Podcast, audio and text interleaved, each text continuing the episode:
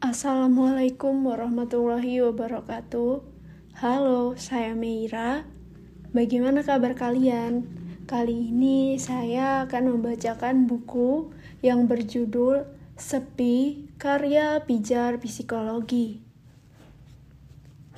Buku ini terdiri dari enam bagian dan kali ini saya akan membacakan bagian pertama dari buku ini. Prakata Kesepian adalah pengalaman yang amat personal dan sekaligus sebagai sebuah fenomena global. Sering kita merasa paling menderita dalam kesepian, tapi ternyata kita bersama-sama dalam penderitaan dan kesepian itu. Kesepian sering dipandang sebagai hal memalukan karena mengakui bahwa kita merasa sepi, seolah kita telah gagal sebagai manusia yang kodratnya adalah sebagai makhluk sosial seolah kita tak tahu caranya berteman, atau seolah kita terlalu needy dan tidak bisa sendirian menikmati kehidupan. Di sisi lain, banyak juga orang yang suka sendirian tapi malah diberi stigma, seolah hidupnya sedih dan menderita karena tak punya kawan dan pasti kesepian. Telah lama kesepian dan kesendirian dianggap sebagai satu paket yang tak bisa dipisahkan. Yang sendiri pasti kesepian, yang kesepian pasti selalu sendiri. Padahal keduanya bisa berjalan beriringan, bisa juga tak saling berkaitan. Telah lama juga kesepian dianggap sebagai sebuah kegagalan. Orang yang sendiri diberi berbagai julukan yang merendahkan dan menyedihkan, seperti perawan tua, jomblo ngenes atau Jonas, dan julukan-julukan lain. Di negeri barat ada istilah thrown back, untuk merujuk pada perempuan yang belum menikah karena dianggap berduri dan sulit didekati. Di negeri Tiongkok ada istilah Sengnu yang artinya wanita sisa dan Sengnan laki-laki sisa karena tidak laku. Selain itu, laki-laki juga mendapat julukan Guangkun yang artinya lelaki ranting atau ranting tunggal untuk mendeskripsikan kegagalan mereka menambahkan buah atau anak untuk keluarga besarnya. Baru beberapa tahun belakangan saja orang-orang yang bahagia dengan kesedihan mulai berani bersuara. Wacana-wacana seperti I'm single and happy atau melajang menyenangkan adalah sebuah counter akan budaya yang biasa merendahkan kehidupan sendiri atau single dan selalu menganggap orang sendirian pasti kesepian. Di Korea juga ada istilah honjo Honja sendirian dan Jo berarti suku. Karena semakin banyaknya orang yang hidup sendiri, makan dan minuman di restoran sendiri, atau traveling dan melakukan hal lain sendirian.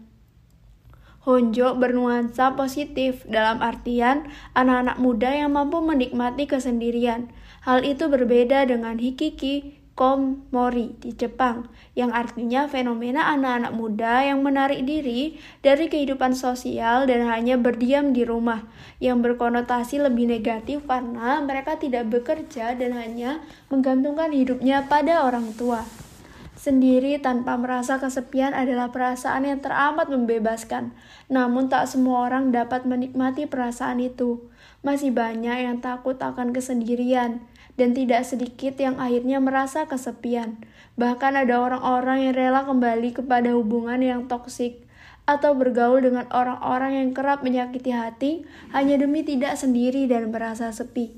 Tidak bisa dipungkiri bahwa kehidupan pada abad ini semakin membuat anak-anak muda sulit membangun interaksi dan lebih mudah untuk berada pada situasi sendirian dibandingkan berkelompok. Meskipun tinggal di kota besar, kita tidak berbagi minat dan passion yang sama. Kita pun tidak berbagi identitas yang serupa dengan orang-orang di sekitar tempat tinggal kita. Oleh sebab itu, rasanya kita semakin terasing dan lebih mudah mencari orang-orang yang sepemikiran dengan kita di komunitas online dibandingkan di dunia nyata. Seiring semakin banyaknya orang yang tinggal sendirian dan ditambah tatanan kehidupan modern yang semakin kompleks, isu mengenai kesepian pun menjadi hangat diperbincangkan.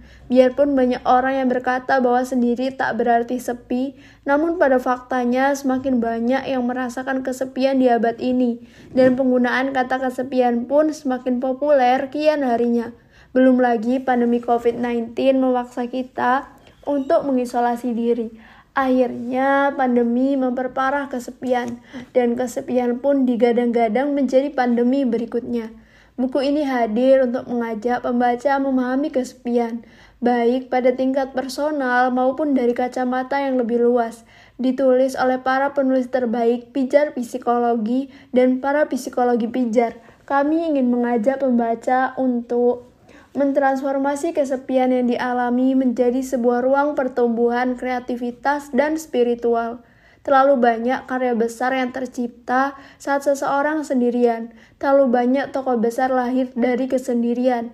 Pertanyaannya, mengapa kita membiarkan diri terlarut dalam kesepian saat sendiri?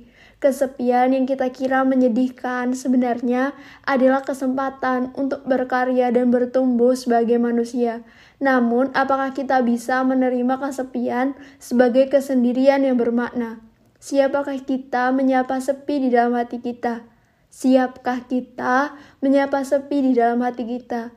Mari telusuri sepi yang senantiasa menghinggapi hati kita melalui buku ini.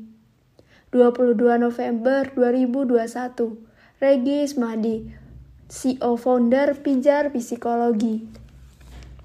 Akhirnya, pandemi memperparah kesepian, dan kesepian pun digadang-gadang menjadi pandemi berikutnya. Part 1. Dunia manusia yang semakin sepi. Pandemi sepi oleh Regis Mahdi.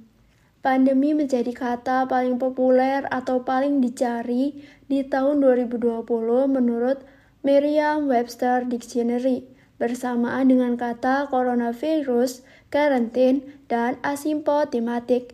Sebelum istilah pandemi, mungkin asing buat orang tanpa latar belakang ilmu kesehatan. Tapi COVID-19 menyadarkan kita bahwa seluruh umat manusia dapat terhubung dengan teror yang sama, Virus yang tak kasat mata menyebar dengan cepat melintas batas negara. Pandemi COVID-19 menerjang kita dengan berbagai ketakutan dan juga kehilangan seperti kehilangan pekerjaan, kesehatan, orang tercinta dan juga perasaan terisolasi karena hanya di rumah tanpa bisa beraktivitas seperti biasanya. Tidak hanya kesehatan fisik yang menjadi ancaman, pandemi COVID-19 turut mengacaukan psikologis manusia secara kolektif. Data di berbagai negara menunjukkan bahwa gangguan mental umum seperti depresi dan kecemasan meningkat drastis hingga lebih dari 25 persen. Di Indonesia sendiri, Kementerian Kesehatan menyebutkan kasus depresi meningkat hingga 6,5 persen ada orang-orang yang baru pertama kali mengalami kemerosotan kesehatan mental saat pandemi. Namun ada juga orang-orang yang sudah memiliki riwayat gangguan mental dan kondisinya semakin memburuk karena harus terisolasi. Sebagai konsekuensinya, layanan kesehatan jiwa pun semakin banyak diakses selama pandemi. Selain faktor-faktor seperti finansial, pekerjaan, dan kesehatan fisik yang memburuk, kemerosotan kondisi kesehatan mental masyarakat selama pandemi diyakini para ahli kesehatan terjadi karena isolasi sosial dan kesepian. Sekitar 40% masyarakat merasa kesepian yang lebih mendalam selama pandemi. Para ahli juga menekankan bahwa penanganan kesepian perlu menjadi target fokus dan strategi jangka panjang untuk kesehatan psikologis masyarakat saat dan setelah pandemi COVID-19. Mereka mengkhawatirkan bahwa pandemi COVID-19 mungkin akan berakhir, tapi pandemi baru akan segera lahir, atau sebenarnya mungkin sudah lama ada dan akan tetap ada walaupun pandemi COVID-19 sudah selesai. Pandemi itu bernama pandemi kesepian. Kesepian sebagai epidemi dan pandemi. Di beberapa negara, kesepian telah dideklarasikan menjadi masalah kesehatan umum, public health concern, bahkan disebut juga sebagai epidemi, menyebar dengan cepat tapi hanya di suatu wilayah atau region atau negara. Misalnya di Jepang dan di Inggris, bukti nyatanya adalah kedua negara tersebut telah menunjuk menteri khusus menangani masalah kesepian di negara mereka. Menteri Kesepian di Inggris aktif sejak tahun 2018, sedangkan di Jepang baru dimulai sejak tahun 2021. Pemerintah Inggris memberikan real spares mengenai alasan penunjukan menteri untuk menangani kesepian di antaranya adalah yang pertama, lebih dari 9 juta warga Inggris total populasi 66 juta seiring sering atau selalu mengalami kesepian. Yang kedua, 85% anak muda anak muda usia 16 sampai 24 tahun dengan disabilitas mengalami kesepian. Dan yang ketiga, sekitar 200 ribu lansia yang disurvei mengatakan bahwa selama lebih dari satu bulan mereka tidak bercakap-cakap sama sekali dengan teman atau kerabat. Bahkan seorang lansia mengaku bahwa satu-satunya percakapan yang ia rasakan dalam satu bulan adalah berbicara dengan kasir supermarket tempat ia berbelanja. Kesepian menjadi fokus pemerintah Inggris bukan hanya karena ada banyak orang yang tidak memiliki teman bicara berbulan-bulan, namun kesepian memiliki dampak yang amat buruk terhadap kualitas kesehatan fisik dan mental seseorang. Berbagai penelitian sejak tahun 1950 sampai 2016 telah menunjukkan bukti nyata bahwa kesepian dan isolasi sosial memperparah gangguan mental dan memperburuk penyakit kardiovaskular atau penyakit yang berkaitan dengan jantung dan pembuluh darah. Selain itu, kesepian juga membuat seseorang lebih mudah stres dan mengalami stres kronis hingga sel-sel tubuhnya mengalami peradangan atau inflamasi dan menurunkan imunitas tubuhnya. Bahkan kesepian kronis dikatakan memiliki dampak yang lebih berbahaya dari obesitas dan kebiasaan merokok 15 batang sehari. Untuk alasan-alasan tersebut, kesepian perlu dianggap sebagai public health concern. Serupa dengan Inggris, Jepang pun akhirnya menunjuk Menteri Kesepian di awal tahun 2021, tengah kondisi pandemi COVID-19. Jepang menunjuk Menteri Kesepian karena kasus bunuh diri di Jepang meningkat sejak 11 tahun terakhir. Pandemi semakin memperparah, memperparah isolasi sosial dan kesepian, yang akhirnya turut memperburuk kualitas mental seseorang dan Puncaknya adalah pengambilan keputusan bunuh diri pada Oktober 2020. Lebih banyak orang meninggal karena bunuh diri, sekitar 2.153 kasus dibandingkan karena infeksi COVID-19, yaitu sekitar 1.765 kasus. Kesepian bukan hanya masalah kesehatan di Jepang dan Inggris. Ada banyak negara lain yang menghadapi kasus serupa, namun mungkin kondisinya belum separah Inggris dan Jepang. Atau mungkin penelitian mengenai kesepian belum menjadi fokus. Bisa jadi pula karena kondisinya sudah mengkhawatirkan tapi belum ditangani serius. Sebagai contoh di Amerika, orang-orang yang mengidentifikasi diri tidak punya teman dekat meningkat tiga kali lipat dibandingkan tahun 1985 dan 40% orang dewasa di atas usia 45 tahun merasakan kesepian selama bertahun-tahun. Dari data di Amerika dan di Inggris ada kesan bahwa yang mengalami kesepian mayoritas adalah orang dewasa dan lansia. Awalnya memang isu kesepian dikira menjadi isu eksklusif bagi orang tua dan lansia.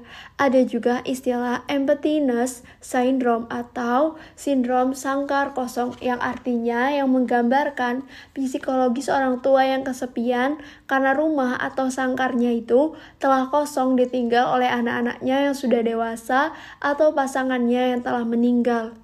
Akan tetapi, sebenarnya di Amerika sendiri tidak hanya generasi yang lebih senior yang mengalami kesepian. Survei oleh American Psychological Association menunjukkan bahwa 73% generasi Z, generasi Z juga merasakan kesepian. Selain itu, online survei yang melibatkan 55.000 orang dari 237 negara yang menunjukkan bahwa 40% anak muda usia 16-24 tahun mengalami kesepian dibanding lansia di atas 75 tahun yang hanya 27% mengalami kesepian. Di Indonesia sendiri penelitian terhadap 5.211 orang yang dilakukan oleh kolaborasi Into Light Indonesia, Mind dan Change ORC menemukan bahwa 98% orang Indonesia merasakan kesepian di masa pandemi dengan subjek penelitian 70% di usia 18 sampai 34 tahun. Kesepian jelas merupakan isu nyata yang perlu kita hadapi. Beberapa media seperti majalah Times dan New York Times menyebut kesepian sebagai epidemi di negara-negara besar seperti Amerika dan Inggris. Sedangkan Harvard Magazine Washington Post dan juga artikel penelitian serta lembaga riset menyebut kesepian sebagai pandemi per bulan November 2021 jika kamu menggunakan Google Search dengan kata kunci Lone Lines Pandemic maka kamu akan mendapatkan 12.100 artikel daring. Dan dengan kata kunci Pandemic of Lone Lines, kamu akan mendapatkan 66.500 artikel daring. Bahkan jika menggunakan kata kunci Epidemic of Lone Lines, maka terdapat 630.000 artikel daring yang bisa kamu baca. Pemerintah Inggris dan Jepang sudah mantap menganggap kesepian sebagai epidemi di negara mereka, atau setidaknya sebagai public health concern. Ratusan media dan akademisi pun mulai aktif menggunakan istilah epidemi kesepian untuk negara-negara dengan kasus kesepian tinggi seperti Amerika. Namun istilah pandemi kesepian atau pandemi sama dengan menyebar dengan cepat melintas batas negara atau region atau wilayah memang masih menjadi perdebatan, sebab ada yang merasa isu ini dibesar-besarkan karena penyebaran kesepian belum layak disebut sebagai epidemi, apalagi pandemi. Ada juga pakar kesehatan mental yang khawatir jika kesepian akan dijadikan komoditas dan diberi perlakuan dengan pil selayaknya depresi. Alih-alih fokus pada interferensi tatanan budaya dan sosial masyarakat, ada juga yang menganggap Wacana pandemi kesepian perlu digaungkan agar awareness tentang kesepian semakin meningkat dan kita bisa membuat program yang lebih merangkul kebersamaan. Tujuannya agar jumlah dan intensitas orang yang mengalami kesepian semakin berkurang masih belum ada kesepakatan mengenai kesepian sebagai pandemi hingga saat ini. Akan tetapi, wacana ini terus digaungkan, entah untuk sensasi media, entah karena kesepian merupakan passion dan kepedulian para peneliti kesehatan mental, atau karena kekhawatiran akan dampak kesepian terhadap kesehatan masyarakat global. Penurunan kesehatan fisik dan mental akibat kesepian memang tidak secepat penurunan kesehatan akibat terpapar virus SARS atau COVID atau virus lainnya.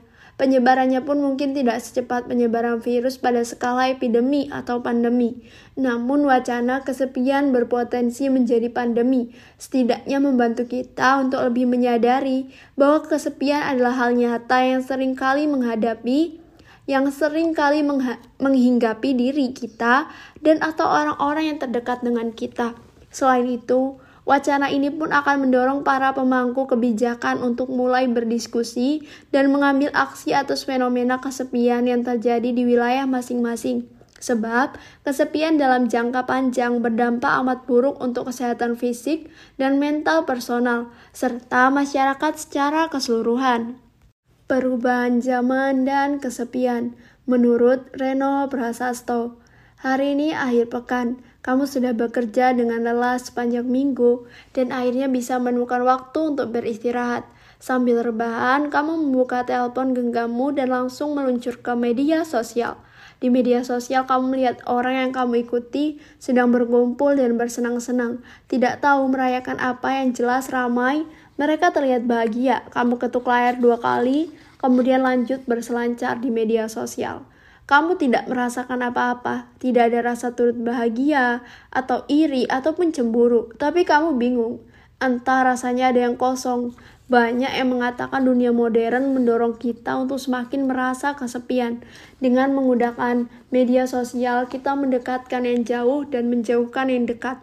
Dengan bantuan aplikasi navigasi, kita bisa menemukan jalan dan tempat-tempat baru tanpa perlu bertanya dengan orang lain. Rasanya semakin sedikit keperluan kita untuk berinteraksi dengan orang lain. Apakah kesepian disebabkan oleh lebih sedikitnya interaksi langsung kita dengan manusia lain?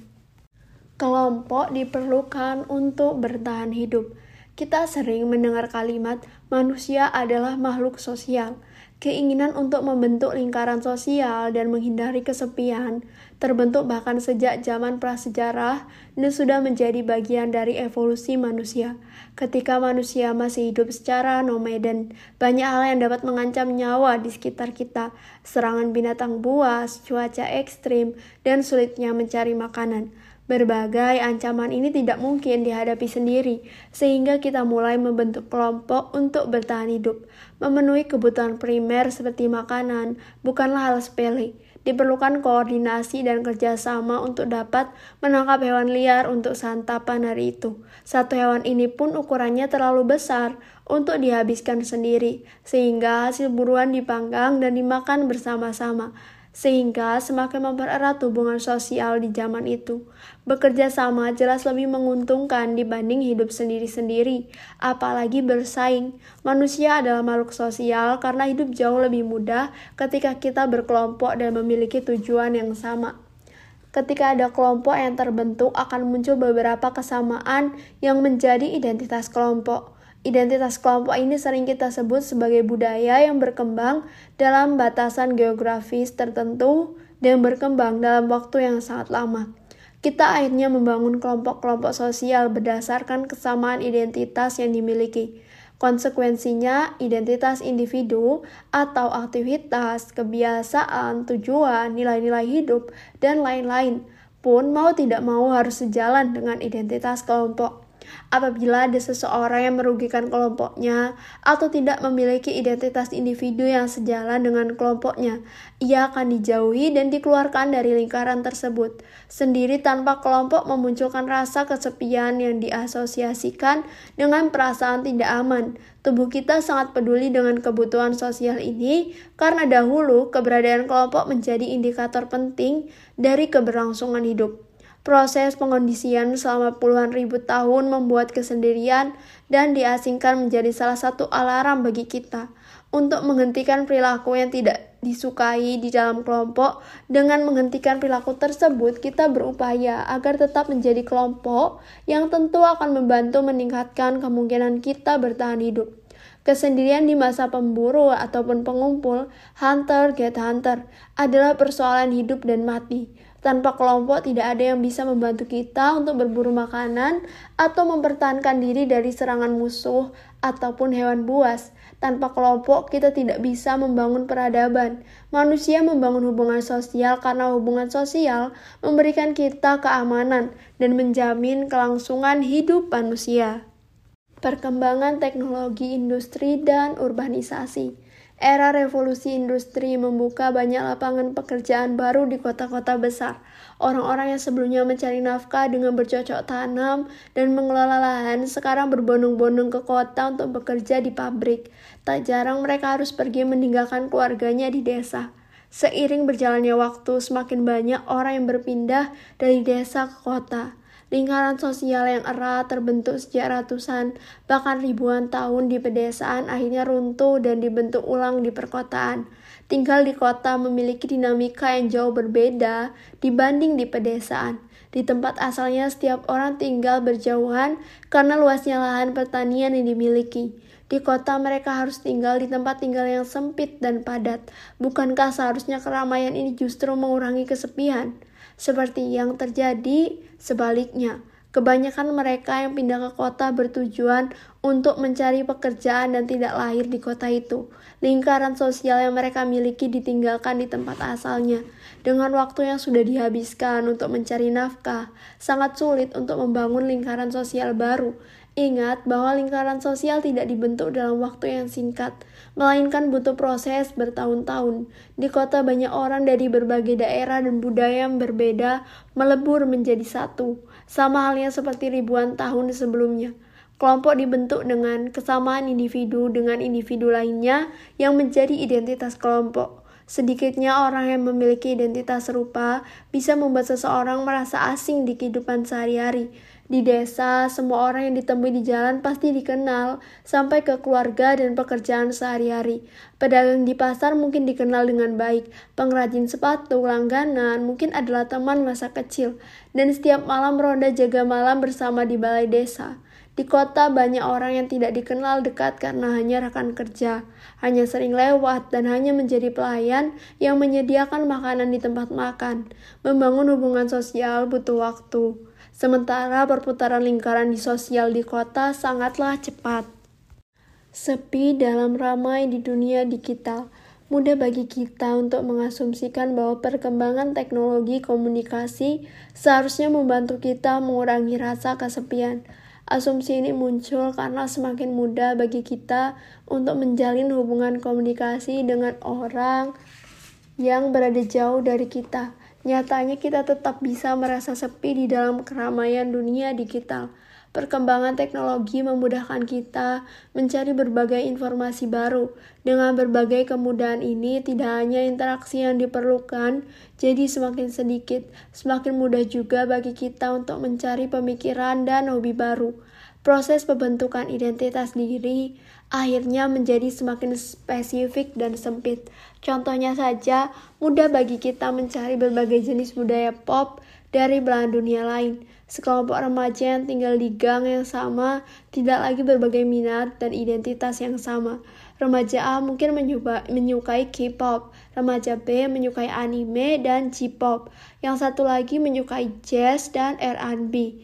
Dahulu, identitas diri sangat lekat dengan kelompok yang terbatas secara geografis. Sekarang, ragam informasi mudah kita temukan dan gabungkan menjadi identitas diri kita yang sangat unik. Mudah disimpulkan bahwa sering berjalannya waktu, individualisme menjadi semakin kuat, ekspresi identitas diri dan aktualisasi diri jadi semakin mudah. Sayangnya identitas diri ini juga menjadi masalah baru ketika kita ingin membentuk lingkaran sosial. Identitas diri yang lekat dengan kelompok membantu kita mengidentifikasikan diri dengan sebuah kelompok tertentu seperti di masa pemburu pengumpul. Kita cenderung mencari kelompok untuk mendapat rasa aman.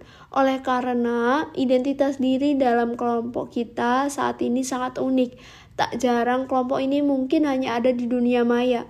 Sulit menemukan orang lain yang sesuai dengan identitas unik diri kita sekitar.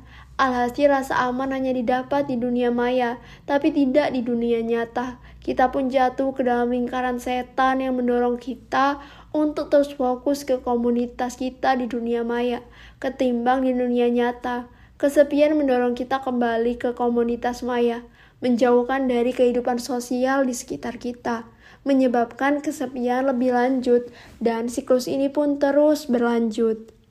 Ketika rasa aman hanya didapatkan dari layar, kalau kita mengartikan kesepian dari jumlah interaksi sosial yang terjadi, apakah jumlah pesan dan engagement di media sosial kita bisa menjadi takaran? Ketika kita membuka aplikasi media sosial, kita merasa aman karena melihat orang-orang yang satu identitas dengan diri. Seketika setelah menekan tombol kunci layar, kita kembali ke realitas kita yang sesungguhnya. Realitas yang dingin dan sepi, karena tidak ada orang yang kita rasa memahami kita. Seakan-akan rasa aman hanya ada di layar, bukan di dunia nyata.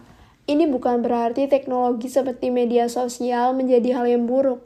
Teknologi sangat bermanfaat bagi seseorang yang tinggal jauh dari keluarga, karena teknologi karena teknologi menjadi solusi untuk menjaga komunikasi. Teknologi dalam konteks ini akan sangat membantu mereka mengurangi rasa sepi, walaupun tidak sebaik bertemu secara langsung. Interaksi melalui media digital ini setidaknya mampu menjaga jalur komunikasi. Interaksi sosial di dunia maya juga tidak memberikan cukup banyak petunjuk sosial seperti halnya di dunia nyata. Di dunia nyata kita akan melihat berbagai ekspresi mikro dari seseorang ketika bertemu dengan kita secara langsung. Di dunia maya, foto dan video dapat disunting agar sesuai dengan apa yang diinginkan. Bahkan tanda kita menunjukkan kepedulian terhadap seseorang yang kita kenal direduksi menjadi tombol reaksi terhadap apa yang mereka unggah. Kesepian sebagai persepsi komparasi. Tidak dapat dipungkiri bahwa interaksi sosial melalui perantara teknologi belum setara dengan interaksi tatap muka. Interaksi sosial akhirnya hanya fokus kepada kuantitas bukan kualitas. Kita mulai suka membandingkan harga diri dengan membandingkan jumlah orang yang memberikan reaksi terhadap unggahan kita. Sangat mudah untuk menilai diri tidak punya teman atau tidak ada yang peduli hanya karena jumlah reaksi di media sosial yang sedikit. Terlebih lagi membandingkan diri sendiri dengan orang lain, ini tidak akan ada habisnya mengingat tidak terbatasnya dunia maya. Tidak hanya perkara jumlah interaksi sosial di dunia maya, konten yang diunggah pun bisa menimbulkan rasa sepi mudah bagi kita dan orang lain untuk membagikan peristiwa terkini dalam hidup di media sosial. Ada kala akhirnya kita merasa iri hati karena tidak bisa mendapatkan hal yang sama dengan yang dialami oleh orang lain. Tak jarang kita jadi merasa ditinggalkan oleh orang lain. Seakan-akan secara sengaja kita tidak diajak bersosialisasi karena mereka membenci kita. Perasaan ini sering muncul dalam kondisi kesepian yang kronis. Kita menjadi semakin sering menafsirkan berbagai konteks sosial yang kita hadapi. Bahkan, semakin seseorang merasakan kesepian karena jarang berinteraksi secara offline, seseorang menjadi lebih mudah mengira ekspresi wajah orang lain yang netral sebagai ekspresi wajah yang mengancam, menyindir, dan mengucilkan. Apakah kesepian masa kini menjadi semakin parah? Masa pandemi mengajak kita menghadapi tantangan baru, interaksi sosial tatap muka, mau tidak mau, harus dipindahkan ke dunia maya. Banyak orang di sekitar kita dan mungkin kita sendiri merasa kesepian karena tidak ada interaksi tatap muka yang bisa dilakukan sehari-hari. Interaksi sosial di dunia maya tidak sekaya interaksi tatap muka. Uniknya, kita pun jadi semakin menghargai pentingnya interaksi sosial tatap muka. Dengan kondisi terbatas ini juga, kita semakin menyadari bahwa kesepian bukan lagi persoalan pertemuan secara fisik, melainkan kebutuhan emosional untuk merasa tergabung dengan sebuah kelompok. Data-data mengenai kesepian yang meroket tinggi adalah alarm untuk menunjukkan bahwa ada yang salah dengan tatanan sosial di kehidupan saat ini. Manusia sudah melewati proses adaptasi selama ribuan tahun, dan kita berhasil bertahan hingga saat ini sebagai spesies manusia karena kita selalu bersama dan berkelompok. Namun perubahan drastis di abad ini yang dipercepat oleh revolusi industri dan teknologi seolah memaksa kita untuk hidup sendiri. Apakah ke depan kita mampu menjadi spesies yang hidup secara soliter tanpa berbagai identitas kelompok dan tanpa merasakan kesepian? Ataukah sebaliknya, kita evaluasi lagi tatanan kehidupan saat ini dan mencoba lebih meningkatkan hubungan sosial? Entah akan condong ke mana? Jawaban atas pertanyaan tersebut akan bergantung pada upaya kita bersama sebagai manusia secara kolektif untuk terus membentuk budaya dan tatanan sosial yang ada. Kesepian di setiap fase kehidupan. Biang Lala Andrea Dewi Sebagai seorang psikolog dan sebagai seseorang yang senang menjalin hubungan sosial dengan siapa pun, saya belum pernah merasakan kesepian pada suatu hari saya bertemu dengan Amanda, nama samaran klien saya yang membantu saya mengenal kembali sebuah emosi baru bagi saya, yaitu kesepian. Mari kita berkenalan dengan sosok Amanda. Amanda berusia 23 tahun, baru saja lulus dari kampusnya. Ia bekerja dari pagi hari hingga petang. Ia pulang ke kos dalam keadaan lelah, lalu mengisi waktu dengan scrolling media sosial. Akhir pekan Amanda dihabiskan dengan bermalas-malasan. Harapannya dapat mengembalikan energi untuk menghadapi hari Senin. Namun ternyata Amanda sering merasakan emosi yang tidak nyaman, seperti sedih, jenuh, burnout, hingga perubahan perilaku berupa mudah marah, menangis, sulit tidur, dan tetap lelah usai bangun tidur. Di tengah ruang terapi, ia mengajukan pertanyaan, Mengapa saya merasa kesepian padahal setiap harinya saya bertemu dengan banyak orang? Ketika saya merefleksikan permasalahan Amanda, saya mulai melihat dengan kacamata lebih luas terkait masalah serupa yang dihadapi oleh beberapa klien saya lainnya. Beberapa klien saya berusia sekitar 20-an tahun. Bekerja adalah aktivitas harian mereka. Akhir pekan dihabiskan dengan beristirahat namun beberapa dari mereka juga menghabiskan akhir pekan dengan tetap bekerja. Mereka berfokus pada karir dan pencapaian dengan dalih di usia produktif banyak hal yang perlu dikejar. Pada akhirnya mereka mengabaikan aspek kehidupan lainnya, termasuk aspek relasi dan sosial. Melihat Amanda dan banyak kisah lain yang serupa membuktikan bahwa kesepian adalah hal yang nyata di tengah kesibukan dan keramaian fase kehidupan yang baru, yaitu fase dewasa. Kita semua mungkin pernah kesepian di fase kehidupan kita masing-masing. Kesepian cukup umum terjadi pada usia awal remaja dan terus meningkat hingga usia 20-an karena adanya perubahan pada beberapa aspek seperti sosiodemografi, keluarga, dan sosial. Menilik kembali Amanda dan Amanda-Amanda lainnya, masa dewasa mulai dimulai dengan meninggalkan keluarga, berpisah dari orang tua untuk tinggal secara mandiri, mulai jauh dari teman-teman, atau mulai menggeser perhatian lebih banyak kepada diri dan karir. Kesibukan pada karir juga menjadi salah satu penyebab seseorang cenderung mengabaikan relasinya dengan orang lain, yang bisa menjadi salah satu penyebab kesepian. Apakah kesepian hanya milik mereka yang sibuk, sendiri, single, dan sudah dewasa? Banyak orang berpikir bahwa kesepian hanya dialami oleh orang-orang yang single atau sendiri, seolah-olah kesepian dapat pergi ketika ada orang hadir di dalam hidup kita. Namun sayangnya berelasi atau bahkan menikah tidak selalu menjamin seseorang tidak mengalami kesepian. Sejatinya kesepian hadir karena kita belum mampu memberi makna pada kehadiran orang lain, meskipun orang tersebut ada untuk kita. Banyak orang beranggapan bahwa kesepian hanya memiliki mereka, hanya miliki mereka yang sudah berusia lanjut. Orang yang mulai pensiun dan mengurangi aktivitas sosial lebih banyak menghabiskan waktu di rumah. Sebagian hidup sendiri karena pasangannya sudah meninggal atau berpisah atau berpisah dan adanya fenomena emptiness syndrome, sindrom sarang kosong.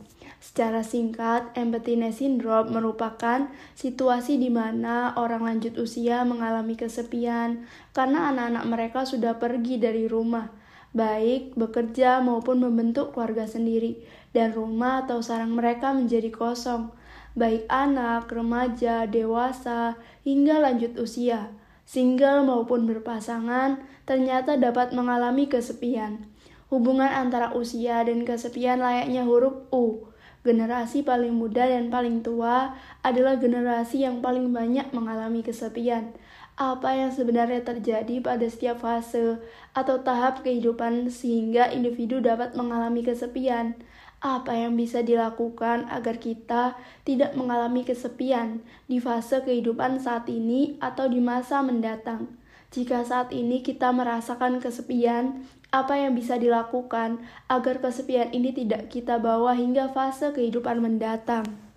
Fase kanak-kanak dan remaja dari orang tua hingga teman sebaya. Interaksi dan perhatian merupakan kebutuhan emosi utama anak yang dapat dipenuhi dari orang tua. Ketika anak dan orang tua mengembangkan interaksi aktif dan positif, anak cenderung merasa baik-baik saja dalam menyikapi ungkapan emosi negatif dari orang tua, seperti kecewa atau marah. Mereka yakin bahwa orang tua tidak akan meninggalkan mereka dan semuanya akan baik-baik saja setelah emosi negatif itu berlalu. Rasa aman tersebut dikembangkan hingga individu beranjak dewasa. Jadi, saat orang terdekat mereka, seperti teman, sahabat, atau pasangan, tidak selalu bersama mereka atau mengekspresikan emosi negatif, mereka tidak takut ditinggalkan. Sebaliknya, tidak semua orang tua dapat menjalin hubungan timbal balik yang positif dengan anak.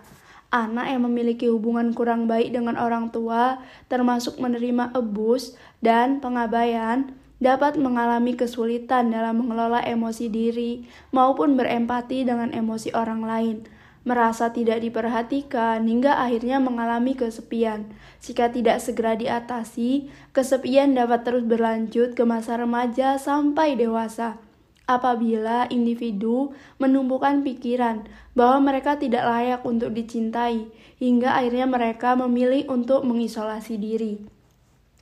Selain kebutuhan interaksi emosi dengan orang tua, anak juga memiliki beberapa kebutuhan lain seperti aktivitas yang menyenangkan, orang yang dapat dipercaya dan diterima atau disukai oleh teman-temannya. Anak-anak mulai melakukan hubungan sosial dengan teman sebayanya sebagai upaya mereka untuk mengevaluasi diri. Seberapa cepat aku berlari jika dibandingkan dengan teman-temanku? Seberapa pandai aku dalam berhitung jika dibandingkan dengan teman-temanku? Seberapa tinggi aku dibandingkan dengan teman-temanku? Anak melakukan perbandingan dengan teman sebayanya karena dalam keluarga mereka cenderung sulit untuk membuat penilaian karena saudara kandung biasanya lebih tua atau lebih muda. Namun sayangnya, kebutuhan untuk bisa bermain dan berkumpul bersama teman tidak selalu dapat terpenuhi. Anak yang sering pindah sekolah atau rumah mengalami kesulitan untuk berteman, mengalami penolakan, hingga menjadi korban perundungan. Sangat beresiko untuk mengalami kesepian.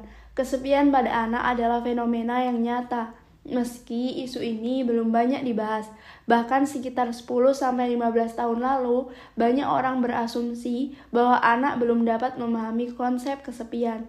Seperti yang telah di, yang telah dibahas sebelumnya, kesepian pada masa kanak dapat terus berlanjut, terjadi hingga masa remaja.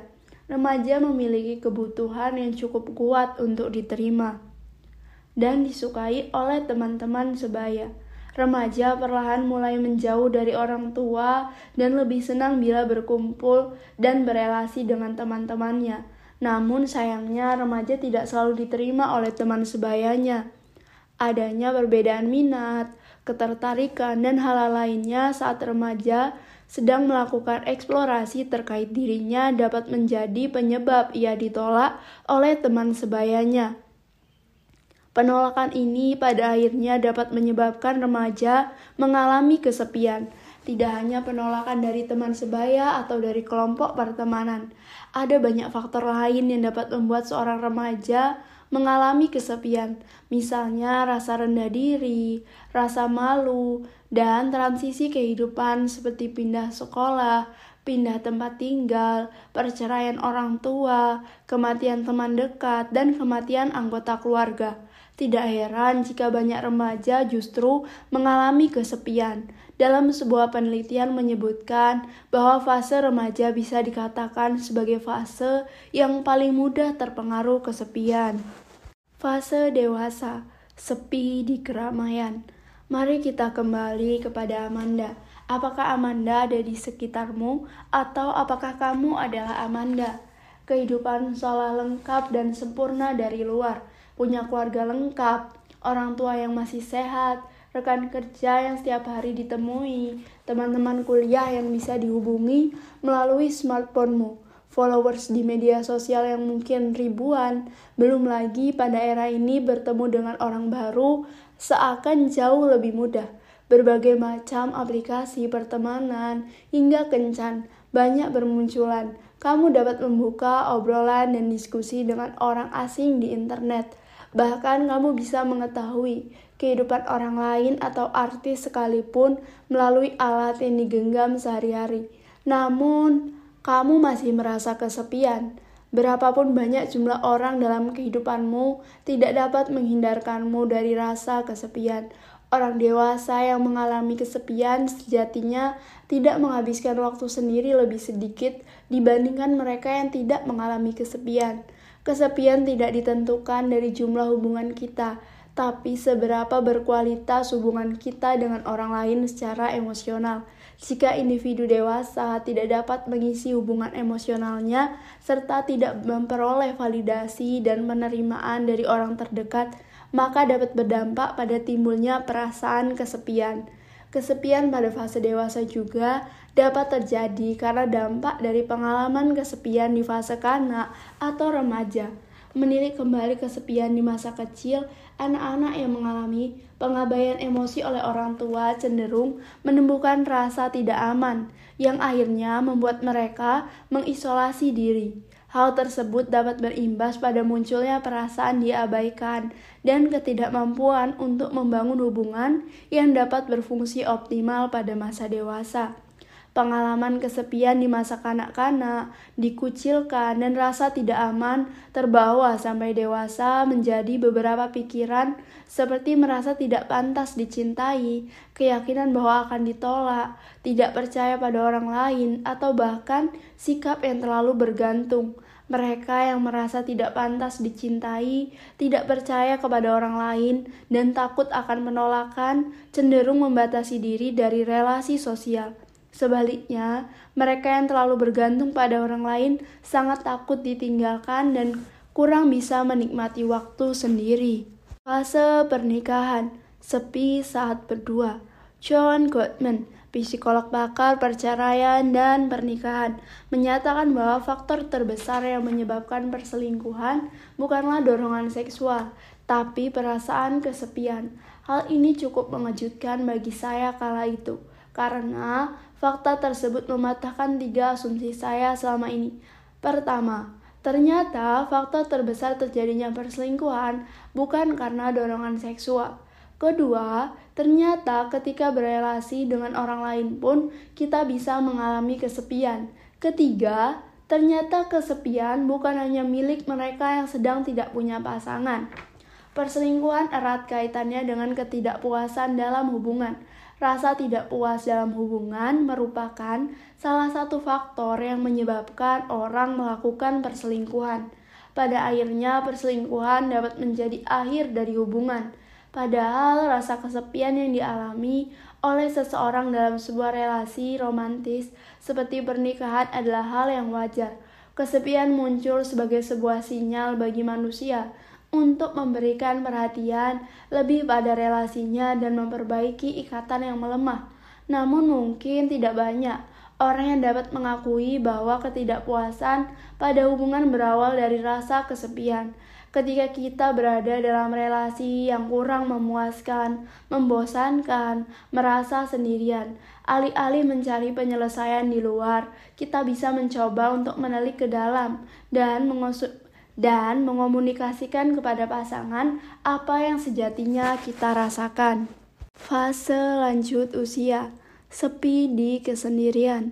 Fase lanjut usia disebut sebagai salah satu fase yang paling mungkin untuk seseorang mengalami kesepian. Teman-teman atau bahkan pasangan yang sudah meninggal anak-anak yang satu persatu meninggalkan rumah, memasuki masa pensiun, berkurangnya peran di lingkungan dan sosial, kesulitan untuk berkontribusi karena keterbatasan fisik atau kesehatan, dan rendahnya keyakinan diri dapat menyebabkan kesepian. Kesepian yang dialami kakek dan nenek, atau mungkin orang tua kita, dapat terjadi salah satunya karena perkembangan teknologi Lalu, apa hubungan antara perkembangan teknologi dengan kesepian pada orang tua? Sebagai generasi muda, kita mungkin merasa terbantu dengan adanya video call, aplikasi ojek online, dan berbagai bentuk teknologi lainnya. Kita merasa dapat terhubung dengan orang tua melalui bantuan video call atau dengan mudah mengirimkan paket, makanan, atau bingkisan kepada mereka melalui bantuan ojek online. Namun, sadarkah bahwa sebenarnya yang orang tua harapkan adalah kehadiran kita, cucu, dan anaknya? Sadarkah kita bahwa menggunakan ponsel atau tablet untuk melakukan video call adalah sebuah kesulitan bagi mereka? Sadarkah kita bahwa kemudahan yang kita rasakan justru mengurangi kemudahan dan kesenangan yang bisa saja mereka rasakan? Kesepian di setiap fase kehidupan itu nyata. Kesepian adalah sebuah pengalaman personal yang sangat mungkin dirasakan oleh setiap orang, baik anak-anak, remaja, dewasa, hingga lanjut usia.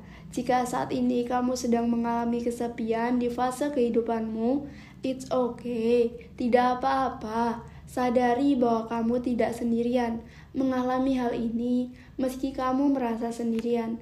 Perlahan beranikan diri untuk menilik lebih dalam ke dirimu dan tanyakan apa yang aku rasakan saat ini, apa yang muncul di pikiranku, apa yang kiranya saat ini aku butuhkan, apa yang saat ini aku rasa kurang. Tanyakan ke dalam diri, amati dan jujurlah pada perasaan-perasaan yang muncul meski rasanya mungkin sangat tidak nyaman. Setelah kamu memahami apa yang sejatinya kamu rasakan dan apa yang kamu butuhkan, beranikan diri untuk melakukan sesuatu yang kiranya bisa memenuhi kebutuhanmu. Apakah kamu butuh ngobrol secara dalam apa yang kamu rasakan dengan sahabatmu? Apakah kamu butuh mengurangi pekerjaanmu dan mulai membuat waktu untuk keluargamu? Apakah kamu butuh untuk memahami dirimu dengan lebih dalam agar kamu berani untuk membuka diri kepada orang lain? Apakah kamu butuh bantuan profesional untuk membantu mengatasi luka-luka batin di masa kanak-kanak atau remajamu yang barangkali berdampak pada kondisimu saat ini. Jangan lupa bahwa adikmu, pasanganmu, temanmu, ibumu, ayahmu, kakek, dan nenekmu sangat mungkin juga mengalami kesepian. Berempatilah dengan apa yang mereka rasakan dan coba perlahan untuk menjangkau mereka lagi. Feeling lonely at any particular moment simply means that you are human. Baik, cukup sekian dari buku kali ini. Terima kasih untuk kalian semua yang telah mendengarkan. Semoga bisa menjadi suatu hal yang bermanfaat.